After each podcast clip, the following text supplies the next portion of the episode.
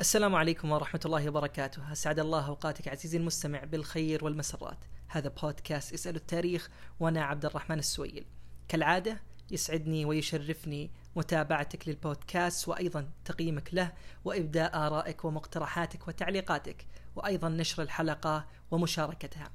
آه طبعا نسينا على قولتهم نبارك لكم بحلول شهر رمضان المبارك فأسأل الله سبحانه وتعالى أن يبارك لنا ولكم هذا الشهر ويجعلنا من صوامه وقوامه. وبحكم فضيلة هذا الشهر حلقتنا اليوم آه، ستكون آه، عنوانها وقصتها كلها كاملة عن النبي صلى الله عليه وسلم. وكما تشاهدون في العنوان هكذا كان. ونقصد بهكذا كان كيف كان النبي صلى الله عليه وسلم يتعامل مع من حوله ويتعامل في المجتمع الذي كان يوجد فيه. وأعتقد أنه نتفق جميعا أنه بحكم شهر رمضان المبارك خير ما يستمع به الإنسان أو يقرأ. هي سنة النبي صلى الله عليه وسلم بعد القرآن. حتى الإنسان يقتدي ويهتدي بهدي حبيبنا ونبينا محمد صلى الله عليه وسلم.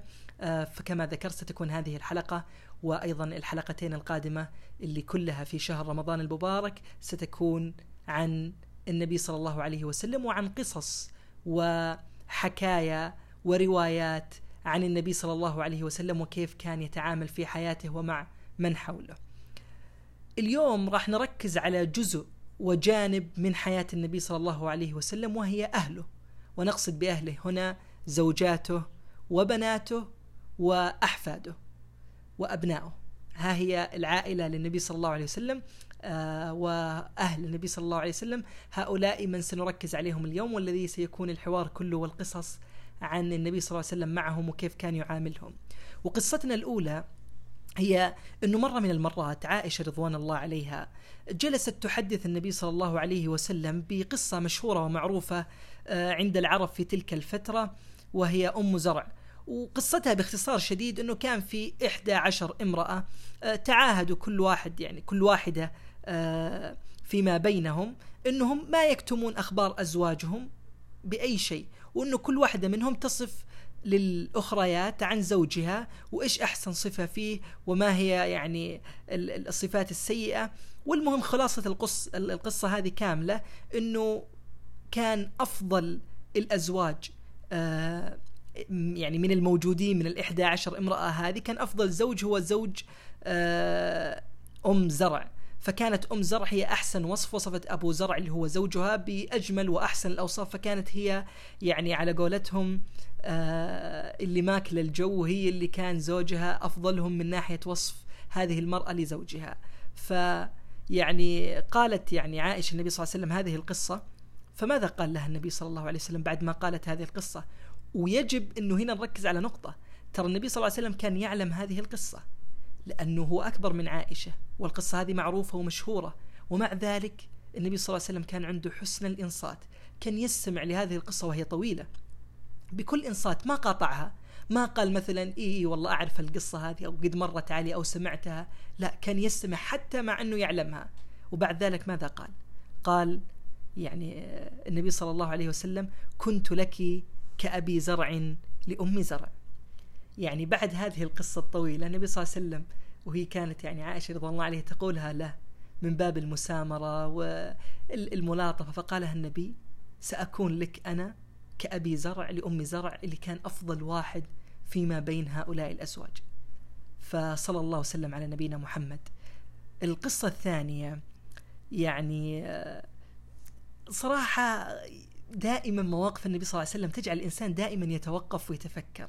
ويعني يجد أنه النبي صلى الله عليه وسلم هو المقياس لنا جميعا في حياتنا. فتجد مثلا هذا هذا الموقف وهذه القصة. النبي ما كان يستحي ابدا من إنه يعلن ويظهر حبه لزوجته عائشة حتى أمام الناس. ما كان يستحي ولا يخجل ولا إنه لا والله ما أتكلم بالعكس جاءه عمرو بن العاص وسأل النبي صلى الله عليه وسلم إنه أي الناس أحب إليك؟ وبالمناسبة يعني هذه قصة أخرى ما لها علاقة بالحلقة لكن هي استطراد. عمرو بن العاص من كثر ما كان النبي صلى الله عليه وسلم يبتسم في وجهه ظن أن النبي يحبه من دون الناس فسأل هذا السؤال. فقالوا يعني أي الناس أحب إليك؟ فقال عائشة مباشرة بدون تردد بدون تفكر ما حتى مثلا قال الأهل أو البيت أو الزوجة لا قال اسمها عائشة. وما كان يخجل أبدا من إعلان حبه لعائشة رضوان الله عليها. وفي المقابل الإنسان ممكن في هذا الزمان يشوف مواقف مختلفة تماما. بعدين يعني سأله الصحابي وقال من الرجال؟ قال أبوها إلى نهاية هذه القصة والأحاديث. والقصة الأخرى تروي عائشة رضوان الله عليها أن النبي صلى الله عليه وسلم كان يقبل بعض نسائه ثم يخرج إلى الصلاة. وأيضا يعني مو بس يقبلهم يعني في أي وقت بل حتى وهو صائم كان يقبل نسائه فروت عائشة النبي صلى الله عليه وسلم كان يقبلها وهو صائم. ويعني مو يعني مو بس كذا يعني شاهد كيف كان النبي صلى الله عليه وسلم في قمة الحب وفيما يصطلح عليه في زماننا هذا بالرومانسية. شاهد المشهد هذا. النبي صلى الله عليه وسلم كان عائشة رضوان الله عليها تشرب من كأس أو من إناء. فماذا يفعل النبي صلى الله عليه وسلم؟ يأخذ الكأس بعد عائشة أو الإناء ويضع فمه في نفس المنطقة التي كانت تشرب منها عائشة ومو بس كذا بل إنه بعض الأحيان يعني عائشة رضوان الله عليها تأخذ مثلا عظم ويكون فيه لحم و آه، تأكل يعني من مكان معين فيأخذ النبي صلى الله عليه وسلم من بعدها ويضع فمه على نفس الموضع اللي كانت تأكل منه. كل هذا إظهار لعائشة بحبه لها وإنه ابدا يعني ما آه، يعني يتأثر ب آه، أو يعني نستطيع أن نقول إنه مثلا آه، ما يعجب إنه يأكل من بعدها أو إنه والله تتأثر نفسه إذا أكل من بعدها بالعكس كان يظهر لها إنه أنا لا أتأثر بهذا الشيء وبالعكس أنا يعني أحب إني آكل أو أشرب من بعدك. ومو بس كذا بل إن النبي صلى الله عليه وسلم يعني كان آه إذا آه طبعا هو معروف جدا ان النبي صلى الله عليه وسلم كان يحب أن يستاك وما كان النبي صلى الله عليه وسلم يحب أن تظهر منه ريح آه، سيئة من الفم فكان يعني يحب السواك. والقصة هنا تروى أنه يعني كان النبي صلى الله عليه وسلم آه، في آه، يوم وفاته وفي يعني تعبه قبل وفاته كان في حجر عائشة رضوان الله عليها. فتذكر عائشة أنه دخل علي بن عبد الرحمن وكان بيده سواك وأنه يعني النبي صلى الله عليه وسلم كأنه كان ينظر إلى السواك وأنه كأنه أحب أنه يأخذه. فمباشرة أخذت عائشة رضوان الله عليها يعني آه السواك بعد أن قالت للنبي يعني أنه آخذه لك فأشار النبي براسه نعم أنه أريده فأخذته وتناولت هذا المسواك ويعني قالت للنبي ألينه لك يعني اجعله فيه لين لأنه يكون آه، كان قاسي وقتها فأشار براسه انه نعم. فقامت وقضمته ومضغت هذا السواك وأعطته النبي صلى الله عليه وسلم فاستاك به. وهو مستند على صدر عائشة رضوان الله عليها. وهذا يعطيك النبي صلى الله عليه وسلم كان يحب أنه يستاك بعد زوجته أنه عادي آه هذا الموقف. وكل هذا إظهارا وحبا لعائشة رضوان الله عليها. وأيضا النبي صلى الله عليه وسلم مو بس كذا يعني قالت عائشة رضوان الله عليها كنت أغتسل أنا والنبي صلى الله عليه وسلم من إناء واحد. أنه يعني بيني وبينه يعني النبي صلى الله عليه وسلم وعائشة كانوا يغتسلون في إناء واحد. ويبادرني وأبادره. حتى يقول دعي لي وأقول أنا دع لي. والمقصود إنه كل واحد منهم كان يستبق ويسبق الآخر حتى يأخذ الماء والآخر يقول له بقي لي وخلي لي. فيعني لك أن ترى جمال هذا الموقف وحب النبي صلى الله عليه وسلم لعائشة وأيضا لزوجاته. يعني حتى يروى النبي صلى الله عليه وسلم وميمونة آه، أم المؤمنين رضوان الله عليها كان يغتسلان من إناء واحد. وحتى أن أم سلمة قالت كنت أغتسل أنا والنبي من إناء واحد من الجنابة. وكل هذا يعني إظهار آه، للحب وللمودة ما بين الزوجين ويعني موقف يصف لنا كيف كان النبي صلى الله عليه وسلم يتعامل مع زوجاته وكيف كان يظهر آه، حبه لهم. ومو بس كذا النبي صلى الله عليه وسلم كان حتى يعني يدلل ويعني بلغتنا نقول يدلع زوجته عائشة. ف آه، يعني عائشة رضوان الله عليها ذكرت النبي صلى الله عليه وسلم يوم قال لها من الأيام يا عائش هذا جبريل يقرئك السلام. فقالت وعليه السلام ورحمة الله وبركاته. لكن شوف هنا يا عائش مع اسمها عائشة ولكن هذا من باب الترقيق والتدليع والتدليل لزوجته. وأيضا مرة النبي صلى الله عليه وسلم آه، كان في بيته ودخل الحبش المسجد يلعبون. فقال النبي صلى الله عليه وسلم لعائشة يا حميراء أتحبين أن تنظر إليهم؟ فقالت نعم. فكان هنا يعني يدلعها و آه، يعني يدللها. وحتى في هذه القصة يعني في رواية أخرى النبي صلى الله عليه وسلم آه، رأى الحبشة مثل ما ذكرنا يلعبون في المسجد فكانت عائشة مع النبي صلى الله عليه وسلم فقال لها يعني يا عائشة تحبين أنك تنظرين إليهم؟ فقالت نعم ويعني كان النبي صلى الله عليه وسلم فاتح الباب وينظر لهم وعائشة من ورائه. عائشة جعلت خدها على خد النبي صلى الله عليه وسلم. فبعد كل فترة النبي صلى الله عليه وسلم يقول لها يعني أما شبعتي يا عائشة؟ فتقول لا. يقول لها أما شبعتي فتقول له وهي تشاهد وعائشة تقول يعني أنا شبعت لكن كنت أبغى أشوف إلى أي مدى النبي صلى الله عليه وسلم كان يحبني وكان يعزني. فأنا بشوف منزلتي عنده. فكل والنبي صلى الله عليه وسلم أطال كله لأجل من؟ لأجل زوجته وحبيبته عائشة رضوان الله عليها. وأيضا كان يكنيها بأم عبد الله.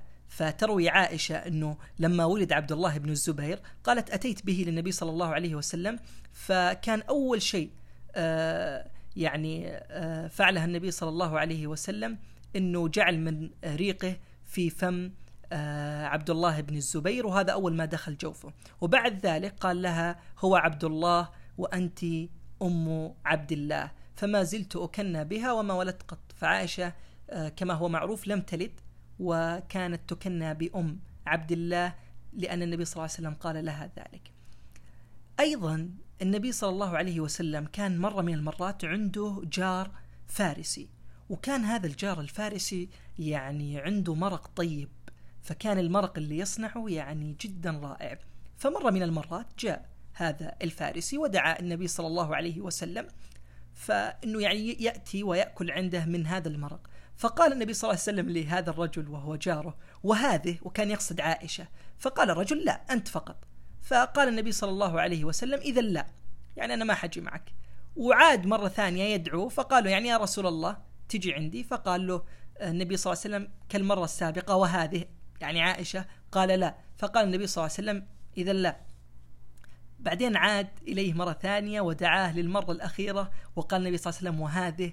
فقال هذا الرجل في المرة الثالثة نعم فقاما يتدافعان حتى أتيا منزل هذا الرجل. يعني النبي صلى الله عليه وسلم وعائشة كانوا يدافعون بعضهم البعض لين وصلوا. هل المواقف كلها يعني تجعلك تت يعني تتخيل كيف كانت حياة النبي صلى الله عليه وسلم؟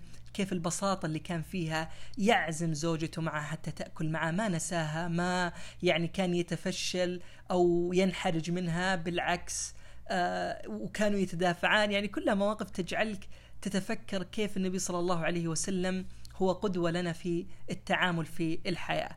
أيضا النبي صلى الله عليه وسلم ما عمره يعني ضرب أي أحد من زوجاته أو أبنائه أو أحفاده أو يعني من حوله. فيروى النبي صلى الله عليه وسلم يعني على لسان آه، أحد الصحابة أو الصحابيات أنه ما ضرب رسول الله صلى الله عليه وسلم شيئا قط بيده ولا امرأة ولا خادم. إلا أن يجاهد في سبيل الله. يعني النبي صلى الله عليه وسلم ما كان يضرب إلا لما يجاهد في سبيل الله. غير ذلك ما كان يضرب لا مرأة ولا خادم ولا غيره. ومو بس كذا النبي صلى الله عليه وسلم كان يراعي مشاعر زوجاته بشكل يعني جدا كبير. فمرة من المرات في جلسة ما بين النبي صلى الله عليه وسلم وعائشة قال لها يا عائشة إني لأعلم إذا كنت عني راضية وإذا كنت عني غضبة. فقالت ومن أين تعرف ذلك يعني يا رسول الله؟ قال أما إذا كنت عني راضية فإنك تقولين لا ورب محمد. يعني إذا صرنا نتناقش أنا وياك وكنت أنت راضية عني وصار بيننا نقاش تقولين لا ورب محمد لا والله ما صار كذا أو إلى يعني آخره. ف إذا كنت عني غضبة قلت لا ورب إبراهيم فإذا غضبت علي ما تقولين لا ورب محمد تقولين لا ورب إبراهيم. فقالت عائشة أجل والله يا رسول الله وما أهجر إلا اسمك. يعني موقف صراحة يعني الواحد يتفكر فيه. النبي صلى الله عليه وسلم ترى إحنا نتكلم عن رسول الله صلى الله عليه وسلم. هموم أمة هموم دولة. عنده من الغزو وعنده من الجهاد وعنده من تجهيز الجيوش وعنده نشر دعوة وعنده رسائل يرسلها الآخرين ويعلم الأمة وعنده هموم الدنيا كلها. هذا رسول الله ونبي الله. ومع ذلك النبي صلى الله عليه وسلم كان يعلم متى عائشة راضية عنه متى تكون غضبة. يعني ترى موقف والله عجيب كيف النبي صلى الله عليه وسلم رغم كل هموم الدنيا اللي عنده وهو رسول الله كان يعلم متى عائشة راضية متى غضبة كان يعلم كان يدافعها كان يفعل. يعني أنا أبغى صراحة خلال هذه القصص أنه نستشعر أن إحنا قاعدين نتكلم عن رجل عنده هموم الدنيا عن إنسان ليس كأي إنسان مشغول عنده هموم أكبر من هموم أي إنسان على وجه هذه الأرض. هموم الدعوة والدين وإلى آخره. ومع ذلك شوف كيف كان يتعامل. ما نسي ولا غفل عن مشاعر زوجته بالعكس كان يعرف. فسبحان الله وبلغ مرة يعني من المرات أنه صفية وهي زوجة النبي صلى الله عليه وسلم وأم المؤمنين وكان أبوها يهودي كما هو معروف. فجاءت حفصة وقالت يعني لصفية وتعرفون يعني يحدث ما بين النساء الغيرة فقالت وخصوصا يعني الجميع فما بالك بنساء النبي صلى الله عليه وسلم. المهم أنها قالت يعني حفصة لصفية يعني بن يا بنت يهودي أو من هذا القبيل. فمباشرة صفية بكت وحزنت فدخل عليها النبي صلى الله عليه وسلم وشافها تبكي. فقال لها ما يبكيك؟ فقالت له أنه حفصة قالت لها إني أنا بنت يهودي يعني إني أنا بنت يهودي. فقال النبي صلى الله عليه وسلم إنك لابنة نبي وإن عمك لنبي وإنك لتحت نبي ففيما تفخر عليك. يعني شاهد الموقف وشاهد كيف النبي صلى الله عليه وسلم يعني راعى مشاعرها وعزز يعني من معنوياتها. أنت بنت نبي لأنها كانت من نسل آه، هارون آه، بن عمران. وعمك نبي كان يقصد النبي صلى الله عليه وسلم اللي هو موسى عليه السلام. فقال لها أنت يعني أنت وين؟ أنت ابنة نبي وعمك نبي وأنت تحت نبي. فتفخر عليك بإيش؟ بالعكس هذا فخر لك. ومو بس كذا النبي صلى الله عليه وسلم لما كانت آه، زوجاته يعني يمرضن كان النبي صلى الله عليه وسلم يذهب لهم ويرقيهم ويمسح بيده الحانية عليهم ويقول اللهم رب الناس أذهب الباس اشفها وأنت الشافي لا شفاء إلا شفاءك شفاء لا يغادر سقما. ومواقف النبي صراحة جدا كثيرة يعني مرة من المرات صفية آه، بنت حيي اللي ذكرناها قبل قليل زوجة النبي صلى الله عليه وسلم وأم المؤمنين أنها النبي صلى الله عليه وسلم حج في نسائه فكانت يعني صفية وهي في الطريق آه، البعير اللي كانت تركبه يعني أسرع فيها. و هذه السرعة جعلت النبي صلى الله عليه وسلم أنه يعني يقول للي كان يعني يسوق فيهم أنه كذا سواقك بالقوارير يعني هدي فهؤلاء نساء والسرعة هذه قد أنه ممكن تجعل واحدة منهم تطيح أو إلى آخره. المهم هم يسيرون بجمالهم آه، مع النبي صلى الله عليه وسلم. فجأة وبدون سابق إنذار برك الجمل تبع صفية بنت حيي. جلس على الأرض مباشرة هذا الجمل. وهي كانت يعني الجمل آه، تبع آه، صفية كان من أحسن الجمال مقارنة بجمال الأخرى لزوجات النبي صلى الله عليه وسلم. يعني كان هو أفضلهم وأحسنهم. فهذا الموقف جعل صفية تبكي. فجاء النبي صلى الله عليه وسلم. يعني لماذا تبكين؟ فأخبرت الخبر. فماذا فعل النبي صلى الله عليه وسلم؟ قام يمسح دموع صفية بيده. يعني تخيل ابغاك يعني الموقف. الجمال قاعدة تسرع. النبي صلى الله عليه وسلم كان خائف على زوجاته فيقول للي يسوق فيهم إنه كذا سواقك بالقوارير يعني هدي. فهؤلاء نساء المفروض إنك ما تمشي بهالسرعة ممكن إنه الواحدة منهم تسقط خوفا عليهم وفجأة يبرك الجمل تبع صفية فتقوم صفية تبكي، ليش تبكي صفية؟ لأنه جملها كان من أحسن الجمال وفجأة صار أقل منهم لأنه برك فجأة. فهالموقف أثر فيها. جملي كان ممتاز كان أحسنهم كان أفضلهم فجأة برك صار أقلهم فبكت. يعني الموقف في نظرنا جميعا هو موقف عادي جدا. موقف لا يستحق ممكن حتى في نظر البعض البكاء. النبي صلى الله عليه وسلم ما وبخها ما قال لها هذا اللي بكاك هذا اللي زعلك هذا اللي يعني جعلك تبكين الموضوع تافه مو مستاهل. لا لا لا ابدا. ما أنكر عليها ولا هاوشها ولا قال لها يعني وش هالموضوع التافه اللي تبكين عشانه. بالعكس قام يمسح دموعها بيده جلس يواسيها. يعني ما نقول إلا أن نسأل الله سبحانه وتعالى أن يخلقنا بأخلاق النبي. والله فعلا يعني هذه دروس وأمثلة لنا كيف كان النبي صلى الله عليه وسلم يتعامل مع زوجاته ومع الجميع. ف رفق النبي صلى الله عليه وسلم بزوجاته ما يقف على أنه يمسح دموعهم بل أنه يستحمل منهم يعني أشياء كثيرة من ضمنها رفع الصوت في النقاش. فيروى أنه أبو بكر جاء يستأذن حتى يدخل على النبي صلى الله عليه وسلم وهو جاي يستأذن سمع عائشة وهي ترفع صوتها على النبي صلى الله عليه وسلم. فلما دخل يعني مسك ابن يعني بنته وقال لها يعني أترفعين صوتك على رسول الله؟ فمباشر النبي صلى الله عليه وسلم حال بين عائشة وبين أبوها أبو بكر يعني صار بالنص بينهم حتى لا يضربها ولا أنه يعني يمسكها.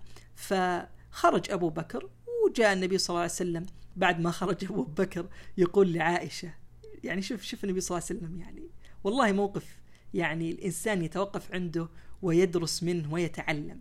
يعني عائشة رفعت صوتها فالنبي صلى الله عليه وسلم كان يستطيع يعني إنه يقول كيف ترفعين صوتك علي وأنا؟ لا بالعكس راح يدافع عنها مع إنه اللي جاء أبوها. فلما خرج أبو بكر قال النبي صلى الله عليه وسلم يرضي عائشة يعني يبغى يلطف الجو. قال لها ألا ترين أني قد حلت بين الرجل وبينك؟ يعني ما شفت إني أنا دافعت عنك أبعدت عنك حتى إنه ما يعني يجيك منه شيء. فابتسمت عائشة وانتهى الموقف. فلما جاء أبو بكر مرة ثانية واستأذن وجد أنهم يضحكان. المرة الأولى كان في نقاش الآن يضحكان. فقال أبو بكر لما دخل يعني يا رسول الله أشركاني في سل في سلمكما كما أشركتماني في حربكما. يعني موقف في قمة الرقي والتعامل من النبي صلى الله عليه وسلم. مواقف النبي للأمانة يعني كثيرة. ويعني إحنا قاعدين فقط نعطي بعض المقتطفات. النبي صلى الله عليه وسلم يعني كان مو بس يراعي مشاعره بل كان يساعدهم في أمور المنزل. ف يعني سئلت عائشة ما كان النبي صلى الله عليه وسلم يصنع في بيته؟ ماذا قالت عائشة؟ كان يكون في مهنة أهله فإذا حضرت الصلاة خرج إلى الصلاة. يعني كان يساعدنا في البيت يشاركنا همومنا. والنبي مو بس يساعدهم حتى في البيت حتى يساعد زوجاته في ركوب الدابة. فصفية رضوان الله عليها أرادت أنها تركب البعير. فيقول أنس رأيت النبي صلى الله عليه وسلم يعني آه، يحيطها ويكون قريب منها ثم جلس عند بعيرها فيضع ركبته وتضع صفية رجلها على ركبة النبي صلى الله عليه وسلم حتى تركب. والله موقف عظيم. النبي صلى الله عليه وسلم يحيط بصفية ويعني يجلس على الأرض ويضع ركبته فتقوم خد آه، صفية وتضع ركبتها آه، تضع رجلها على ركبة النبي صلى الله عليه وسلم الشريفة وتركب الدابه فما كان يستحي من هذا الموقف ولا كان يقول يعني عيب أو غيره أو كان يهتم لنظرة الناس له. بالعكس هذه زوجتي وأنا سأحترمها وأقدرها. مواقف يعني جدا جدا جدا عظيمة.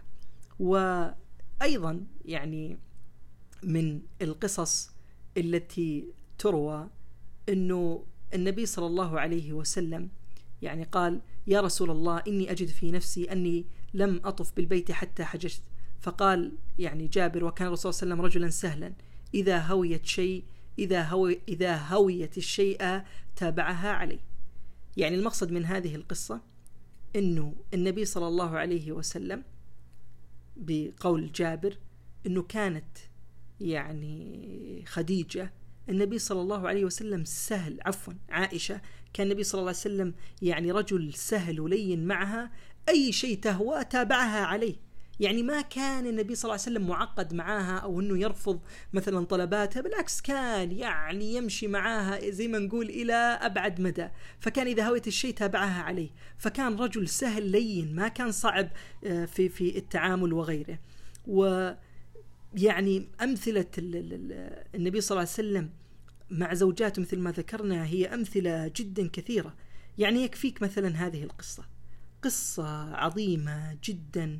النبي صلى الله عليه وسلم كان مرة من المرات خارج في غزوة أو خارج من سفر وكانت عائشة رضوان الله عليها مع النبي صلى الله عليه وسلم. وفي الطريق ضاع عقد لعائشة رضوان الله عليها. فأخبرت النبي أنه والله ضاع عقدي.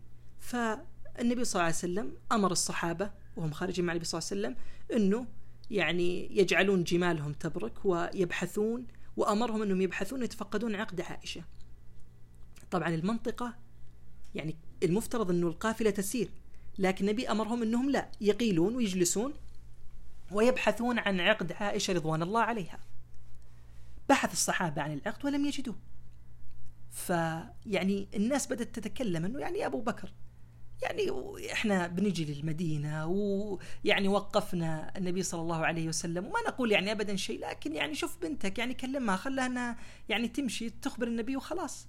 فن يعني ما في ما نتوضا وحل عليهم الليل. فجاء أبو بكر غاضب والنبي صلى الله عليه وسلم نائم على آه، فخذ عائشة. فقام يعني بإصبعه يعني يطعنها أو ينغزها في خاصرتها. فعائشة ما كانت تقدر يعني إنها يعني كانت تتألم لكن ما كانت تقدر تسوي شيء لأن ما كانت تبغى النبي صلى الله عليه وسلم يقوم وتؤذي نومه. المهم لما قام النبي صلى الله عليه وسلم ونزلت في تلك الفترة آية آه اللي هي التيمم فصار عذر للمسلمين إذا لم يجدوا الماء أن يتيمموا وعائشة وجدت عقدها وبعدين القافلة مشت. لكن لك أن تتخيل قافلة تسير أمور مهمة راجعين المدينة عقد يضيع النبي ما قال لا نكمل مش مهم بالعكس جلس وانتظر وبحث وأمر الصحابة يبحثون عن عقد عائشة كله لأجل عائشة. ما استحى أبدا من هذا الموقف يعني والله موقف عظيم. أوقف الدنيا من أجل عائشة. ما كان يعني في قلبه مثقال ذرة إنه لا والله الموضوع مو مستاهل أو مش محتاج بالعكس أوقف الدنيا لأجلها. فصلى الله وسلم على نبينا محمد. ومن القصص اللي تروى إنه عائشة قالت إنه خرجت مرة مع النبي صلى الله عليه وسلم في بعض أسفاره وقالت إنه أنا كنت جارية وما كان ذاك الوقت يعني أحمل اللحم فلم أكن يعني بدينة أو سمينة. فالمهم قال النبي للناس تقدموا فذهبوا وتقدموا وقال لها تعالي أسابقك يعني تعالي إني نتسابق أنا وياك. فتقول عائشة فسبقته فسكت عني وما ما تكلم. تقول بعد فترة يعني بديت أنا أحمل من اللحم وبديت أسمن شوي يعني ونسيت الموقف هذا. فخرج النبي صلى الله عليه وسلم في بعض أسفاره وقال للناس تقدموا فتقدموا. فقال لا تعالي حتى أسابقك. فتقول فسابقت فسبقني هذه المرة. فقام يضحك النبي صلى الله عليه وسلم ويقول هذه بتلك. فالنبي كان يقصد هذه بتلك يعني أنا الآن سبقتك بالمرة الماضية اللي أنت سبقتيني فيها.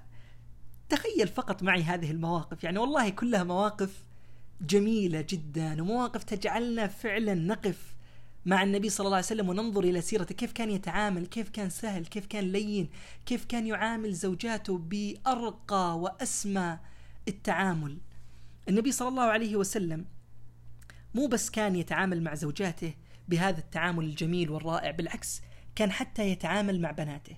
يعني في هذه القصة لك أن تحكم كيف النبي صلى الله عليه وسلم تعامل معه. هو صراحة موقف في قمة العقل وفي قمة يعني الاحترام. موقف عظيم. لنستمع لهذا الموقف. جاء النبي صلى الله عليه وسلم مرة إلى بيت فاطمة. فما وجد علي رضوان الله عليه في البيت عند يعني فاطمة. فقال النبي صلى الله عليه وسلم أين ابن عمك؟ يقول لفاطمة قالت أنه صار بيني وبينه شيء. فغضب وخرج من عندي من المنزل فما نام عندي وما أخذ القيلولة. فالنبي صلى الله عليه وسلم أمر أحد الموجودين أنه ينظر أين هو. فجاء هذا الرجل وقال للنبي صلى الله عليه وسلم يا رسول الله ترى علي رضوان الله عليه راقد في المسجد. جاء النبي صلى الله عليه وسلم ورأى علي مضطجع يعني منسدح في الأرض ورداءه يعني سقط قليل عنه وأصاب التراب وجهه. فجاء النبي صلى الله عليه وسلم عند علي يمسح هذا التراب عن وجهه. ويقول قم أبا تراب قم أبا تراب. النبي جاء يرضي علي اللي هو زوج بنته. ترى ما سأل ما هي المشكلة؟ وما سأل وش اللي زعل؟ يعني زوجك منك أو إيش المشكلة اللي أنتوا تزاعلتوا فيها؟ ولا راح يعاتب علي ليش تقول لبنتي كذا أو ليش تسوي لها كذا؟ بالعكس راح يرضيه.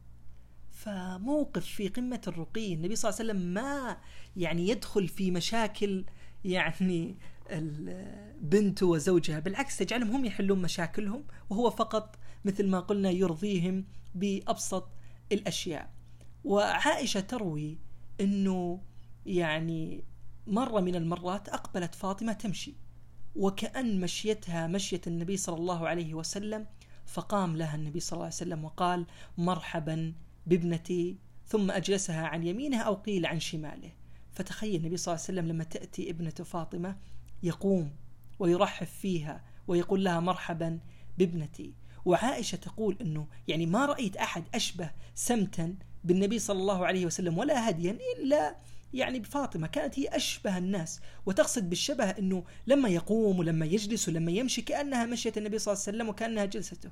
وقالت مو بس كذا قالت يعني أنه النبي صلى الله عليه وسلم إذا قام يعني إذا دخلت يعني فاطمة على النبي صلى الله عليه وسلم قام إليها فقبلها. يعني لك أن تتخيل هذا الموقف. النبي أب والمفترض أنها بنته هي التي تأتي عليه وتسلم عليه وهو جالس. لا النبي لما تأتيه فاطمة يقوم هو لها. ويقوم ويقبل. وقيل أنه قبل ما بين عينيها وفي رواية أنه أخذ يدها وقبلها. ما أعظمك يا رسول الله؟ شاهد كيف يتعامل مع بنته. يعني يكفيك هذا الموقف. يكفيك هذا التعامل من النبي صلى الله عليه وسلم مع بنته. ما هذا الحب؟ وما هذا العطف اللي من النبي صلى الله عليه وسلم؟ وما هذا التكريم؟ يعني إحنا قاعدين نتكلم يا جماعة الخير عن مواقف مع النبي صلى الله عليه وسلم. مع هذا الرجل العظيم اللي كان عنده مشاغل الدنيا كلها. لكن شوف كيف كان يتعامل. وتعامل النبي صلى الله عليه وسلم مو بس مع يعني بناته ومن ضمنهم فاطمة بل حتى كان مع أحفاده. يعني مرة من المرات الحسين بن علي وهو حفيد النبي صلى الله عليه وسلم بال في حجر النبي صلى الله عليه وسلم. ف يعني قال أو قالت لبابة بنت الحارث أنه إلبس ثوب وأعطيك إزارك حتى أغسله. فالنبي صلى الله عليه وسلم قال إنما يغسل من بول الأنثى وينضح من بول الذكر. يعني هذا الموقف يبين لك ما غضب النبي صلى الله عليه وسلم ما زعل ما رفع صوته ما قال خذوه لا بالعكس سكت ولا قال أي شيء. يعني حتى أنه مرة من المرات روي أنه كان الحسن أو الحسين على صدر أو على بطن النبي صلى الله عليه وسلم وقام يبول. فيعني فزعوا اللي كانوا حوله جو بياخذونه. فقال النبي صلى الله عليه وسلم دعوا ابني لا تفزعوه حتى يقضي بوله. بعدين أتبعوا بالماء. يعني والله العظيم موقف يدرس موقف يجعلنا فعلا ننظر إلى أنفسنا وإلى حالنا. لو واحد فينا جاله بول وش كان بيسوي يعني؟ فما ما جعله ولا عصب عليه ولا هاوش ولا قال خذوه ولا مثلا أنكر على الطفل أو غيره خلاه قال خلاه يعني لين يكمل لا تفزعوه. ما أعظمك يا رسول الله. فهذه المواقف يعني تبين لنا كيف النبي صلى الله عليه وسلم جدا يعني سمح مع أحفاده. ويذكر مرة إنه أبو بكرة قال رأيت النبي صلى الله عليه وسلم على المنبر والحسين بن علي جنبه وهو يقبل على الناس مرة وعلي مرة. يعني النبي صلى الله عليه وسلم جالس بجانب النبي صلى الله عليه وسلم على آه، المنبر والنبي ينظر للناس ويتكلم لهم وما ينظر إلى آه، الحسن. فقال النبي صلى الله عليه وسلم إن ابني هذا سيد ولعل الله أن يصلح به بين فئتين عظيمتين من المسلمين. شوف ما استنكر النبي أنه يعني حفيده يجي معه على المنبر لا بالعكس أجلسوا جنبه عادي. وين الخطأ؟ أنه الطفل يكون على المنبر مع النبي. ما في خطأ ما كان في حرج. يعني مواقف عظيمة يعني قد لو هذا الحدث حدث في زماننا كان الناس استنكرت كيف إنه إمام يخطب بجانب الطفل. ليه جايب مثلا طفلك معك؟ رجعه معك يعني خليه في بيته لا يجي المسجد هذا ما هو مكان للأطفال. لكن شوف النبي صلى الله عليه وسلم كيف يعني مدرسة. للأمانة يعني الواحد لما يقرأ في السيرة يجد أنه في مواقف كثيرة عجيبة وغريبة إنه يعني إحنا نقول إننا نقتدي بالنبي. لكن لما نشوف تطبيقنا في الحياة إحنا بعيدين يعني أشد البعد عن مثل هذه التصرفات. يعني شاهد هذا مثلا الموقف حتى يتضح كلامي السابق. مرة من المرات النبي صلى الله عليه وسلم يخطب بالناس. النبي واقف في خطبة يخطب بالناس ومعروف الخطبة ما يحتاج. من مس الحصى فقد لغى وغيره من الأحاديث وفي خطبة وفي مكان يعني عظيم ومكان رسمي في المسجد.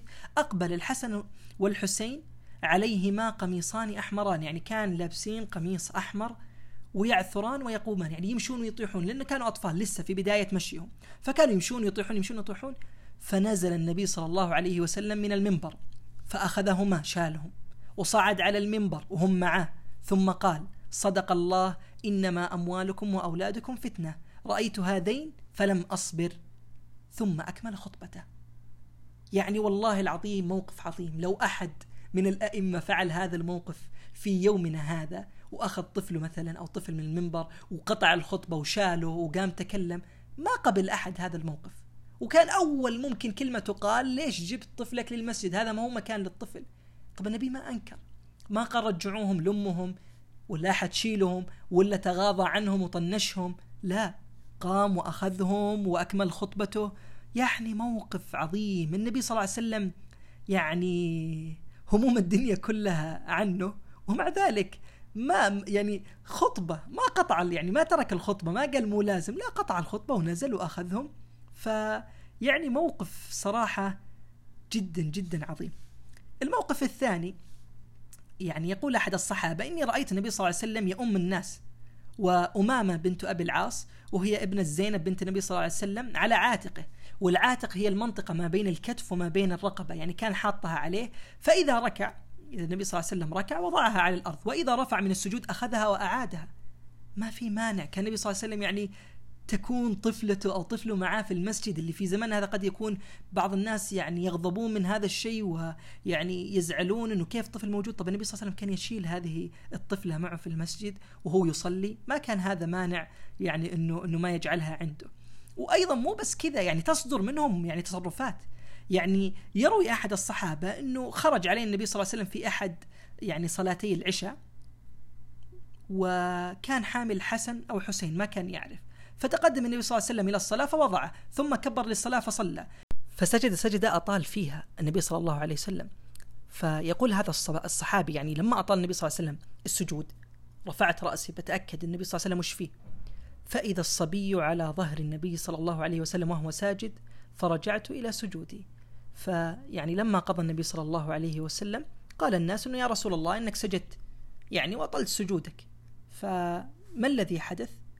فقال النبي صلى الله عليه وسلم يعني توقعنا هم قالوا إنه حدث أمر أو إنه أوحي إليك. فقال النبي صلى الله عليه وسلم كل ذلك لم يكن ولكن ابني ارتحلني فكرهت أن أعجله حتى يقضي حاجته. والله هذه الكلمة عظيمة جدا. ابني ارتحلني يعني جعلني كالراحلة يعني ركب على ظهري فارتحلني. فإيش طيب إنك مفروض تسوي يا نبي الله؟ قال كرهت أن أعجله. يعني ما بغيت أني أستعجل أقول له يلا أشيله أو أنزله من على ظهري وأني أقول له لا كرهت والله. ما ودي صراحة أني أنا أعجل وأستعجل عليه حتى يقضي حاجة حتى يخلص ويطيح اللي في راسه. بعدين أقوم أنا من السجود. ما أعظمك يا رسول الله. والله موقف عظيم عظيم عظيم بما تعنيه الكلمة. يعني والله نتكلم في إيش وإيش يعني في قمة الرقي والتعامل مع الأطفال ما أعظمك يا رسول الله. لذلك الله سبحانه وتعالى لما قال يعني في القرآن لقد كان لكم في رسول الله أسوة حسنة وإن في آية أخرى وإنك لعلى خلق عظيم فصدق الله هذا خلق لا يصدر إلا من رجل عظيم. فما أعظمك يا رسول الله؟ وأيضا يروي أبو هريرة أنه كنا نصلي مع الرسول صلى الله عليه وسلم يعني صلاة العشاء. فإذا سجد وثب الحسن والحسين على ظهره فإذا رفع رأسه يعني جاء يعني النبي صلى الله عليه وسلم بيرفع رأسه حتى آه، يستوي أخذهما بيده من خلفه أخذا رقيقا ويضعهما على الأرض فإذا عاد عادا يعني رجع للسجود رجع له مرة ثانية حتى إذا يعني قضى صلاته أقعدهما على فخذيه وقال يعني آه أنه قمت إليه فقلت يا رسول الله أردهما يعني أرجعهم إلى إلى إلى إلى أمهم فاطمة وفي لحظة كلامي هذا برق يعني برقة في السماء وأطالت هذه البرقة. فقال النبي صلى الله عليه وسلم الحقا بأمكما وعاد بهم النبي صلى الله عليه وسلم يعني إلى أمهما. لكن شوف النبي صلى الله عليه وسلم ما أنكر عليهم ما بالعكس كان يأخذهم من خلفهم وأخذ رقيق وينزلهم تعامل جدا ما ضربهم على يدهم أو غيره. فتعامل جدا عظيم. ومو بس كذا يعني ال ال ال الأمثلة للأمانة جدا جدا كثيرة. يعني يروي أبو بكر النبي صلى الله عليه وسلم كان يصلي وأنه أيضا إذا سجد وثب الحسن على ظهره أو على عنقه فيرفع رسول الله صلى الله عليه وسلم رفعا رقيقا لئلا يصرع يعني حتى لا يطيح أو يجي شيء. ويفعل ذلك أكثر من مرة هي مش مرة واحدة. ولما قضى صلاته قال يا رسول الله رأيناك صنعت بالحسن شيئا؟ ما رأيناك صنعته. فماذا قال النبي؟ قال إنه ريحانتي من الدنيا وإن ابني هذا سيد وعسى الله تبارك وتعالى أن يصلح به فئتين من المسلمين. والنبي صلى الله عليه وسلم كان يحبهم حب شديد. يعني يروي أبو بكر أنه مرة من المرات النبي صلى الله عليه وسلم خرج. في طائفة من النهار أنه يقضي حاجته وما كلمني ولا كلمته حتى جاء سوق بني قينقاع وبعدها انصرف عنهم لين جاء إلى عند فاطمة. فقال أثم لكع أثم لكع؟ وكان يقصد الحسن. والمقصود هنا لكع بمعنى الصغير يعني موجود الصغير وكان يقصد الحسن. يعني موجود الحسن موجود الحسن. فالنبي صلى الله عليه وسلم جلسا ينتظران وتوقعا أنه يعني يعني هم يعني هي تأخرت في الرد عليهم إلا لأنها تجهز النبي صلى الله عليه وسلم وتغسله وتلبسه وتجيبه للنبي فما جلسوا فترة إلا جاء يسعى اللي هو الحسن حتى اعتنق شاهد قول أبو هريرة حتى اعتنق كل واحد منهما صاحبه. فقال النبي صلى الله عليه وسلم اللهم إني أحبه فأحبه وأحب من يحبه. فيقول أبو بكر أنه من بعد هذا الموقف وأنا أحب الحسن. فشاهد محبة النبي وتعامله مع الطفل. والنبي صلى الله عليه وسلم كان يقبل أطفاله. فيروي أبو هريرة النبي صلى الله عليه وسلم قبل مرة الحسن بن علي وكان عنده الأقرع بن حابس التميمي جالس. فقال الأقرع أنه لي عشرة من الولد. ما قبلت منهم أحد. عندي عشرة ولا أحد قد قبلته أو يعني بسته فماذا قال النبي صلى الله عليه وسلم؟ قال من لا, ير من لا يرحم لا يرحم. موقف عظيم جدا. وكان في تبيين النبي صلى الله عليه وسلم أنه هذه رحمة وشفقة المحبة للأطفال. ومو بس كذا النبي صلى الله عليه وسلم كان يحمل أحفاده على عاتقه. فيقول أبو هريرة أنه خرج مرة النبي صلى الله عليه وسلم علينا ومعه حسن وحسين. هذا على عاتقه وهذا على عاتقه. وحنا قلنا ما معنى عاتق؟ اللي هي المنطقة ما بين الرقبة وما بين الكتف. فكان واحد هنا وواحد هنا ومرة يقبل هذا ومرة يقبل هذا. حتى انتهى إلينا فقال له رجل يا رسول الله إنك تحبهما. فقال من أحبهما فقد أحبني ومن أبغضهما فقد أبغضني. محبة عظيمة للنبي صلى الله عليه وسلم لأحفاده. وأيضا يعني يروى أنه كان تسيل لعاب يعني حفيده عليه. فما ينزعج. النبي كان مرة حامل الحسين وسأل لعاب وما زعل ولا غضب ولا تضايق أو غيره. وكان النبي صلى الله عليه وسلم يعني آه، إذا جاءت له يعني هدايا كان يعطي أحفاده. فتروي عائشة أنه مرة يعني جاء للنبي صلى الله عليه وسلم يعني حلية. وهي يعني آه، خاتم من ذهب فيه فص حبشي من النجاشي للنبي صلى الله عليه وسلم. فقيل النبي صلى الله عليه وسلم أخذه ببعض آه، أصابعه أو بعود ما كان يعني يبغى يأخذه فأعطاه لأمامة ابنة أبي العاص اللي هي حفيدة النبي صلى الله عليه وسلم من زينب وقال لها تحلي بهذا يا بنية فكان النبي صلى الله عليه وسلم يحب أحفاده لدرجة أنه يهديهم ويعطيهم أيضا. ومرة من المرات النبي صلى الله عليه وسلم كان معزوم آه، يعني عزيمة إلى طعام عند أحد الصحابة وكان الحسين وقتها يلعب في سكة المدينة. فتقدم النبي صلى الله عليه وسلم عند القوم وبسط يده وقام الحسن يفر منه مرة هنا ويفر من هنا وجلسوا يضحكون مع بعض وأخذ النبي صلى الله عليه وسلم ومسكه وقبله. كان رايح إلى إلى عزيمة ما تركوا طنش لا بالعكس شافوا ضحك يعني فتح يديه جاي يلعب معاه. وأخذوا وقبلوا مواقف كلها عظيمة مواقف كبيرة. اللي يخلينا يعني للأمانة آه، نستوعب هذا الموقف إن نتكلم عن رجل أمة. النبي صلى الله عليه وسلم كان عنده هموم الدنيا كلها ومع ذلك انظر كيف كان يتعامل مع زوجاته مع بناته مع أحفاده. تعامل جدا عظيم وإحنا ذكرنا فقط مقتطفات في كيفية تعامل النبي صلى الله عليه وسلم مع هؤلاء المقربين منه مع أهله. وإن شاء الله في الحلقة القادمة والتي بعدها سنشاهد مواقف أخرى النبي صلى الله عليه وسلم وكيف كان يتعامل فيها. إلى هنا تنتهي هذه الحلقة. نستودعكم الله الذي لا تضيع ودائعه. كونوا بخير ولا تنسونا في رمضان من دعواتكم. نستودعكم الله.